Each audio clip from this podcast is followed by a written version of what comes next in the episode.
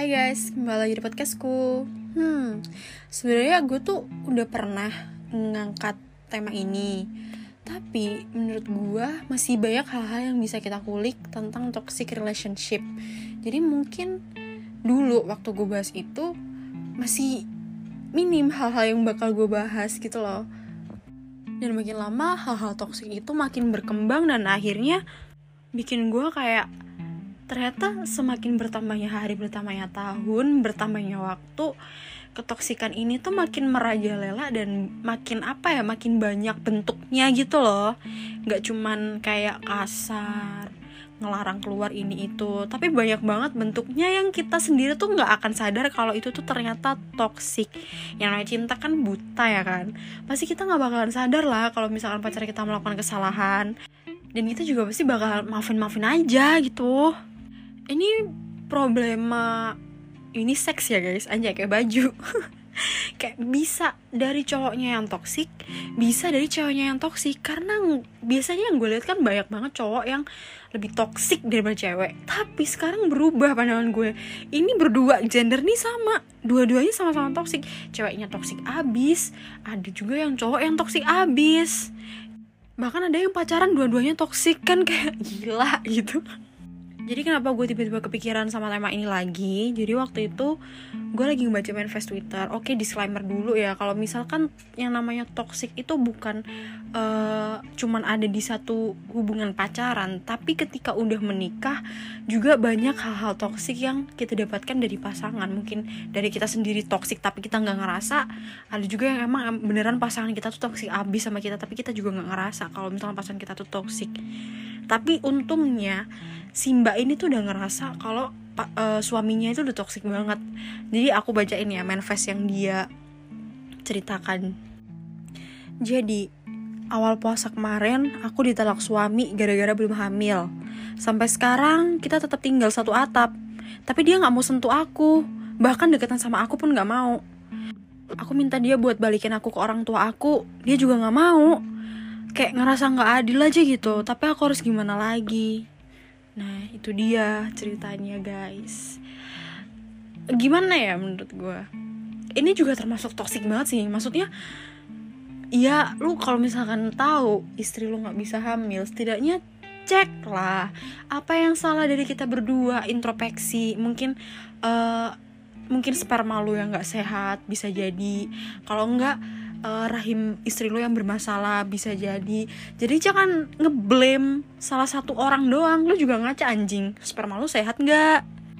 Tapi emang di kasus-kasus kayak gini itu kebanyakan yang disalahin tuh pasti ceweknya. Entah dari mertuanya entah dari saudara-saudara tante-tantenya. Pasti tetap aja nyalahin pihak ceweknya. Dan itu gue masih bingung kayak kenapa harus cewek yang disalahkan kan bisa aja itu sperma cowoknya. Bisa aja itu karena cowoknya. Atau bisa juga karena gaya seksnya. I don't know. Dan terus yang bikin gue bingung itu pas pas mbaknya ngomong tetap tinggal satu atap tapi dia nggak mau nyentuh bahkan deketan pun nggak mau. Kayak ya gimana bisa hamil bapak? Kalau nggak disentuh kalau nggak dipegang kalau nggak di mm -mm, gitu. Malah istrinya dibiarin dicuekin didiemin silent treatment tuh bener-bener salah satu faktor yang bisa bikin manusia gila tau nggak? Kenapa kalau ada masalah atau ada hal yang nggak disenengin atau ada hal yang mengganjal hati tuh kenapa nggak ngomong secara gamblang? Kenapa harus ngasih silent treatment ke seseorang tuh sama aja lu kayak ngebunuh dia perlahan tau nggak? Karena nggak enak banget didiemin. Dibebanin rasa bersalah dan lain-lain. Yaitu namanya udah termasuk dalam kurung caps lock toxic tau nggak?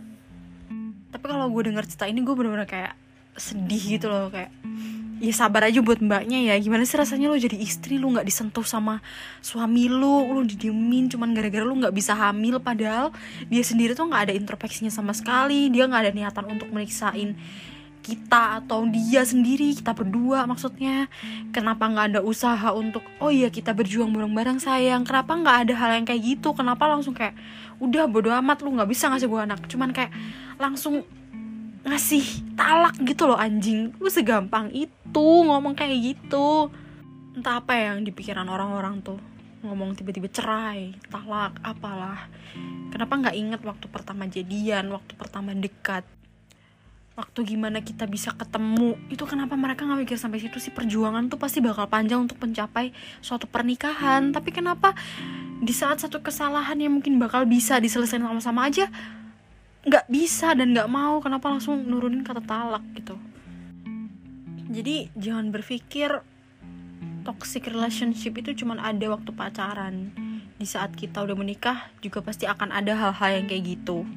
Yang dengan bodohnya kita nggak sadar waktu pacaran tuh kita ditoksikin. Jadi kita sadar waktu kita udah menikah. Jadi kayak nyesel di belakang gitu aduh jangan sampai ya kayak gitu ya contoh-contoh basicnya kan kalian juga pasti bakalan tahu ya kayak ngelarang ini itu. Tapi ngelarangnya dalam hal yang kayak sebenarnya bisa ditoleransi tapi sama dia tuh bener-bener nggak boleh keluar sama temen nggak boleh keluar sama temen cowok nggak boleh ini nggak boleh itu dikekang nggak boleh kerja di luar kota nggak boleh kuliah di luar kota harus tetap dekat sama dia harus selalu dekat sama dia. Itu udah tanda-tanda toksik banget sekarang kalau misalkan dia emang beneran serius sama kamu kenapa dia nggak membebaskan kamu buat ngejar cita-cita kamu? Mungkin cita-cita kamu ada di luar kota. Kenapa aku susah banget ngomong cita-cita?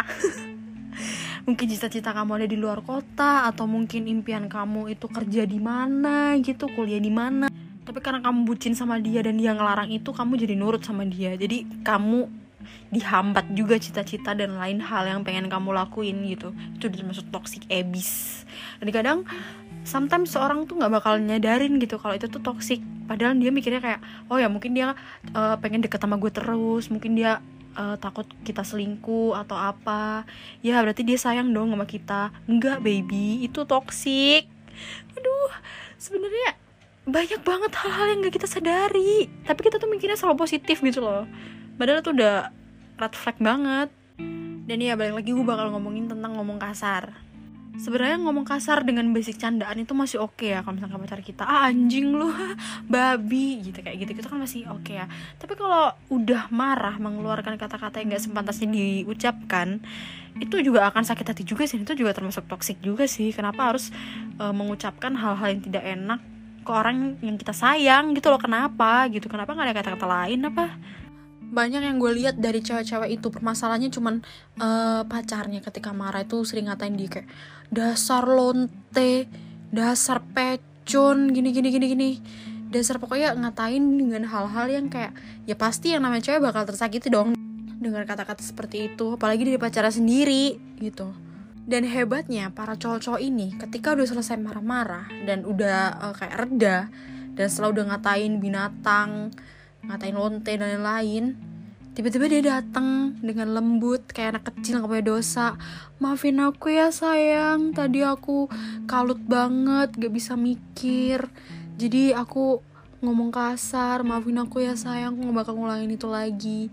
Dan part paling gobloknya, Iya sayang, nggak apa-apa, maklum kok. Kalau marah emang kadang suka kayak gitu. Si ceweknya bilang kayak gitu ya bangsat juga dua-duanya nih.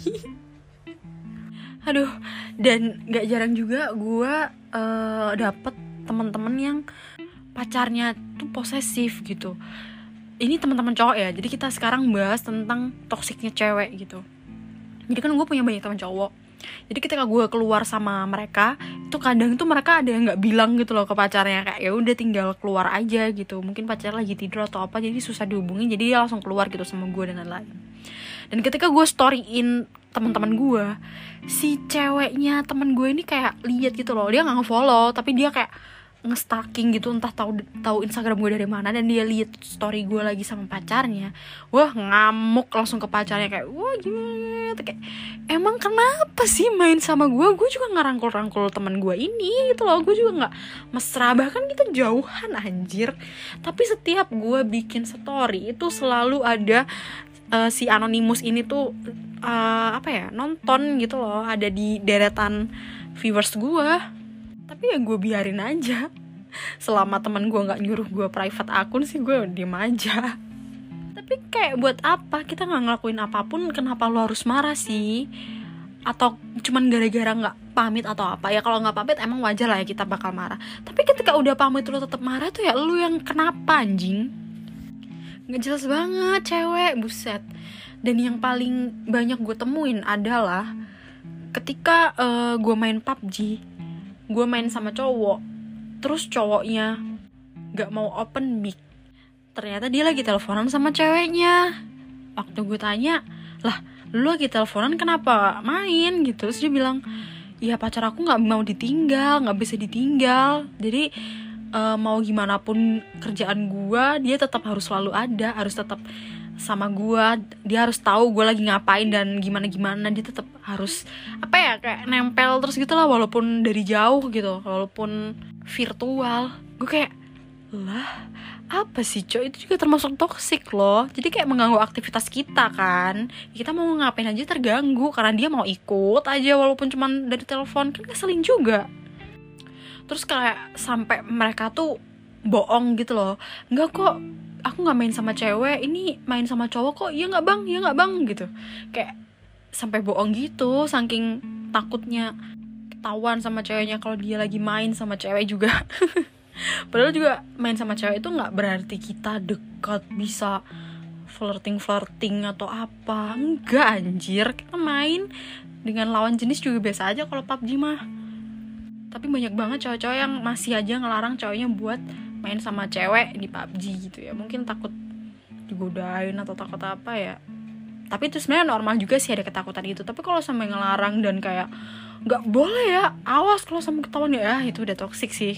Sebenarnya hak cowok lah mau main sama siapa mau jalan sama siapa asal nggak melebihi batasnya. Kalau dia tahu batas ya kalau cowoknya dari awal udah ngebangun bonding kalau dia bisa dipercaya pasti ceweknya juga nggak bakalan se toxic itu sih. Sebenarnya itu juga bisa dari faktor cowoknya juga. Kalau cowoknya ini udah kayak kelihatan gerak geriknya tipu-tipu si cewek juga pasti bakalan aduh kayaknya cowok gue bakal deketin nih kalau misalkan main sama cewek. Waduh kalau dia keluar pasti dia lihat lihat cewek nih lain-lain nah kalau dari awal bondingan cowoknya udah kayak fuckboy pasti cowoknya juga wajar aja curiga. Tapi kalau bondingannya dari awal cowoknya kelihatan bisa dipercaya dan emang bisa jaga batas pasti cowoknya juga gak bakalan kayak gitu juga sih. Tapi ada juga yang cowoknya udah jaga batas dan lain-lain udah bener-bener kayak setia banget gitu lah intinya tahu batasan dan lain-lain.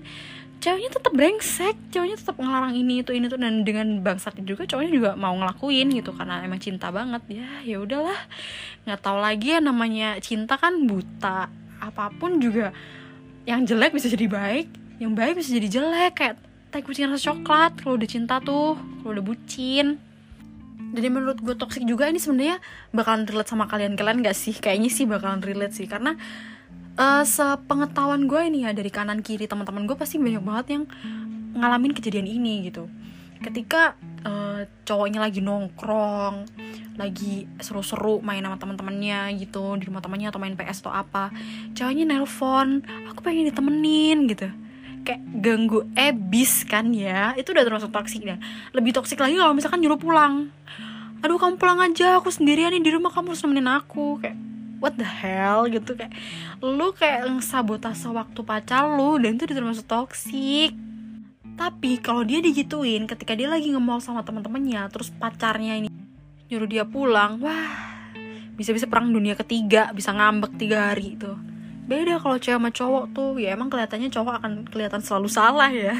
Tapi di sisi lain cowok juga kayak gue gue juga nggak tahu ya gimana caranya jadi cowok yang bisa tetap bener gitu di mata cewek. Karena susah.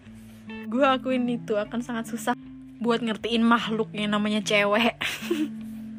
Terus gue juga uh, sempat ngalamin pengalaman kena toksik juga. Tapi kan waktu itu gue juga udah pernah cerita pengalaman toksik gue dulu di episode sebelumnya ya. Tapi kali ini baru saya karena udah ganti beberapa pasangan kan jadi gue juga sempat mengalami toxic relationship juga sih. Jadi kayak dia itu bener-bener apa ya mungkin gara-gara kita baru pacaran dan kita lagi berbunga-bunga. Tapi di saat berbunga-bunga inilah yang bikin gue kayak gimana sih? gitu loh. Jadi dia tuh kayak selalu pengen dekat gue gitu loh. Jadi per menit per detik harus telepon. Kayak aku pengen dengar suara kamu. Itu gue lagi di luar. Gimana gue mau bisa telepon dia? Orang rame banget. Terus kayak dia selalu pengen nelfon gue gue nggak tahu ya itu uh, bukti emang dia beneran sayang atau fetis sama gue atau apa gue nggak tahu.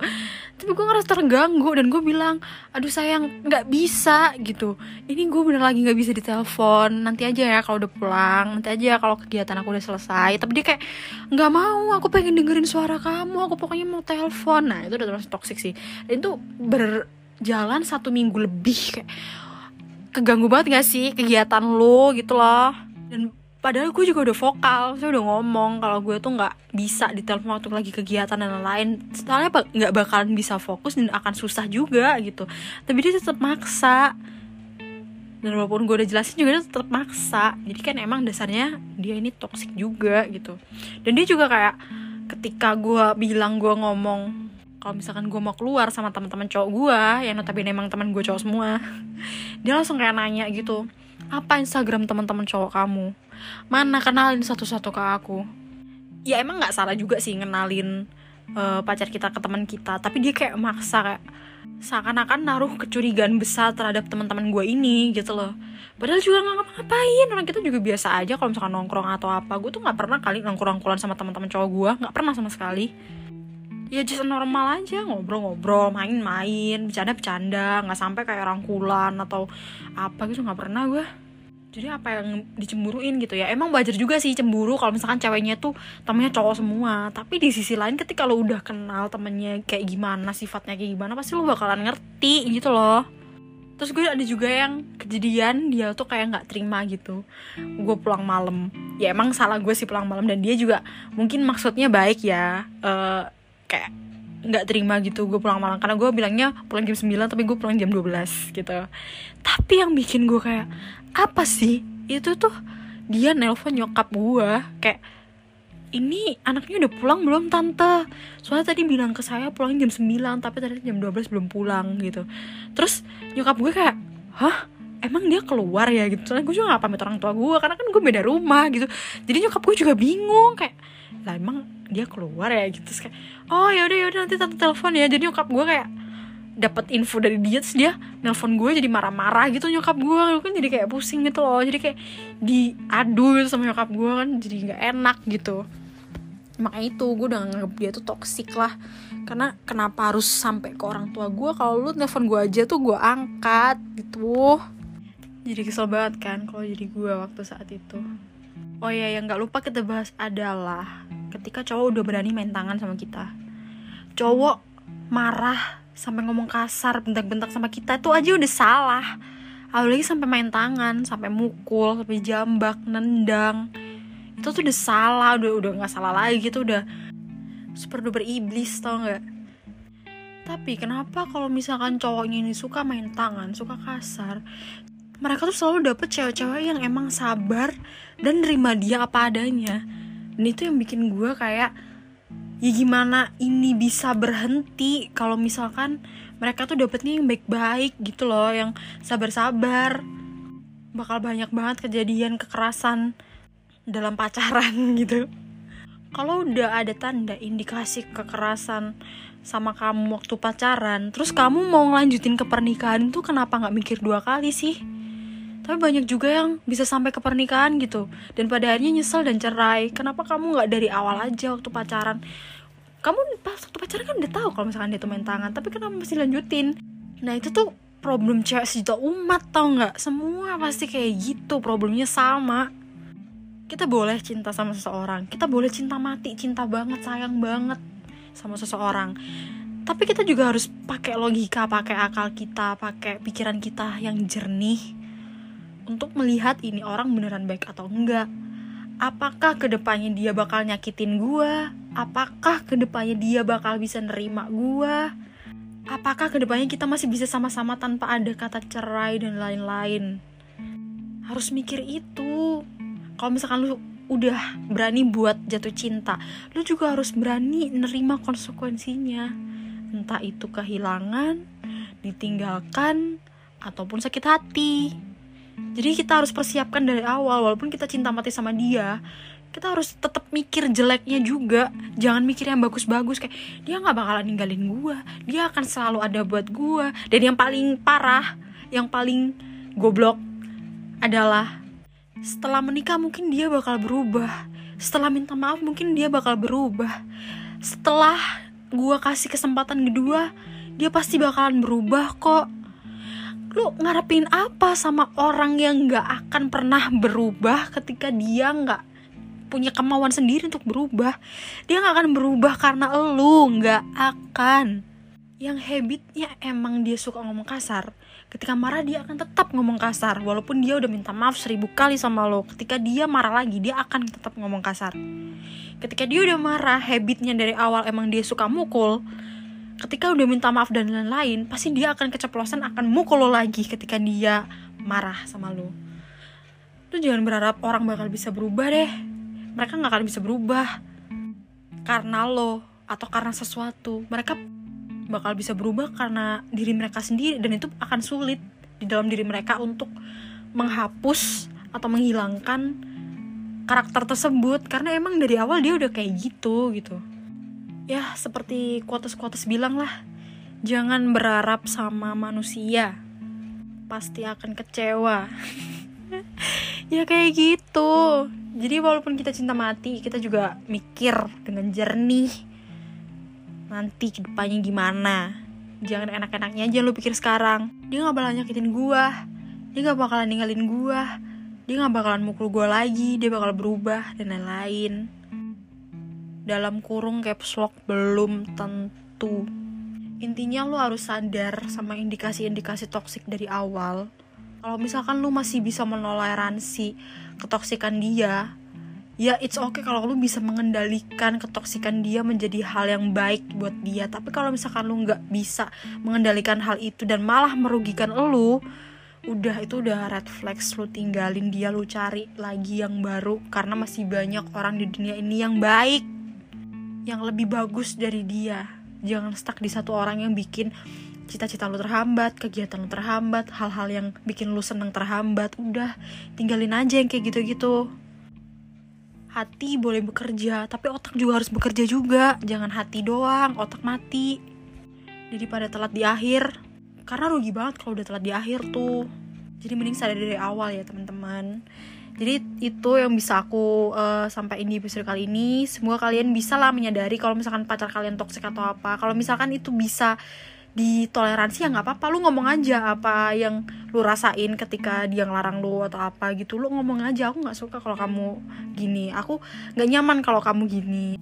Intinya komunikasi dalam hubungan tuh penting banget. Apa yang kamu gak suka apa yang kamu suka. Lu ngomongin aja semuanya. Jadi bisa dicari jalan keluarnya bareng-bareng gitu jangan satu aktif satu pasif sama aja ngerugiin satu pihak dan mengunggulkan pihak lain ya sama aja lu pacaran macam apa kalau kayak gitu gitu loh Oke lah, kalau kayak gitu kita sudah ya aja episode kali ini. Semoga menyenangkan, semoga menghibur kalian semua yang lagi sepi.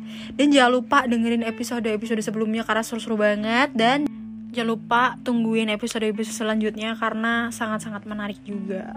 Thank you yang udah dengerin. Bye bye. See you next episode.